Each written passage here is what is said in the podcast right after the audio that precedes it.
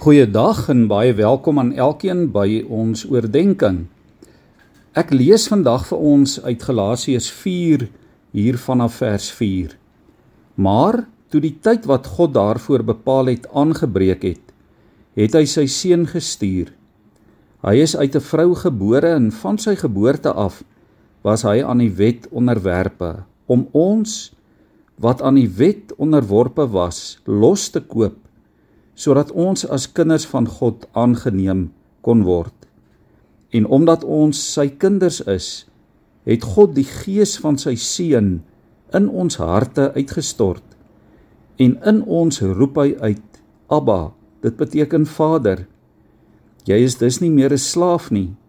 Jy is nou 'n kind van God. En omdat jy sy kind is, het God jou ook sy erfgenaam gemaak. Liewe vriende, wanneer ons terugblaai na die Ou Testament en wanneer die profeet Jeremia God se belofte vir die toekoms aan die volk Israel bekend maak, gaan dit baie sleg met Israel. Hulle is baie ver van hulle eie land af in ballingskap weggevoer. Maar tog beloof God dat hy vir hulle 'n toekoms sal gee. Dat hy 'n verwagting vir beter tye in hulle wil wakker maak. Dalk is jou eie omstandighede in jou eie lewe op die oomblik baie negatief of onseker. God wil vir jou ook 'n toekomsverwagting gee wat vir jou voorspoed en nuwe lewe inhou.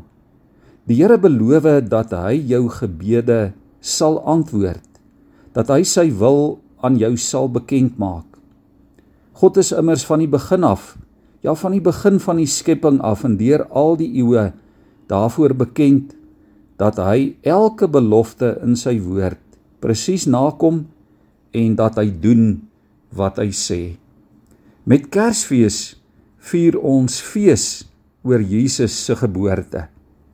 Jesus word gebore volgens God se presiese tydsbeplanning. Dit het gebeur op die tyd wat God bepaal het. Die Jode het vir eeue en geslagte lank weet ons uitgesien na die koms van die Messias.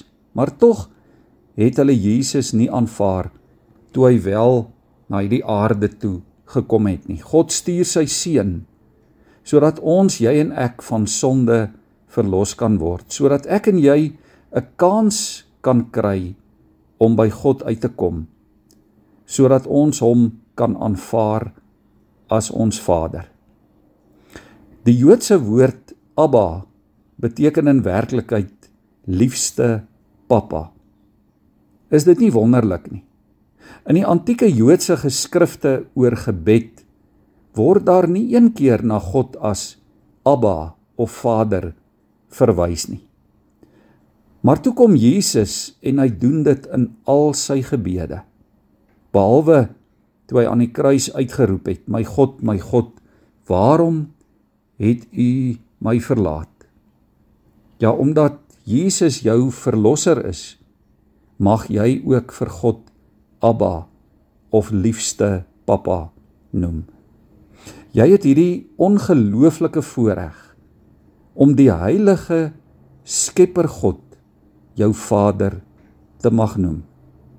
Liewe vriende, mag jy en ek in hierdie Kersfeestyd in hierdie land van ons in hierdie somer Kersfees mag ons onthou watter geweldige voorreg dit is. Mag jy onthou jy het 'n pa wat jou liefhet wat vir jou sorg. Hy gee sy eie naam vir jou en hy beloof vir jou 'n plek in die hemel Kom ons buig dankbaar in gebed voor die Here. Here, dankie dat ons U vandag Vader mag noem. Dankie Here dat U ons Vader is. En dat elkeen van U kinders seker kan weet dat U ons liefhet.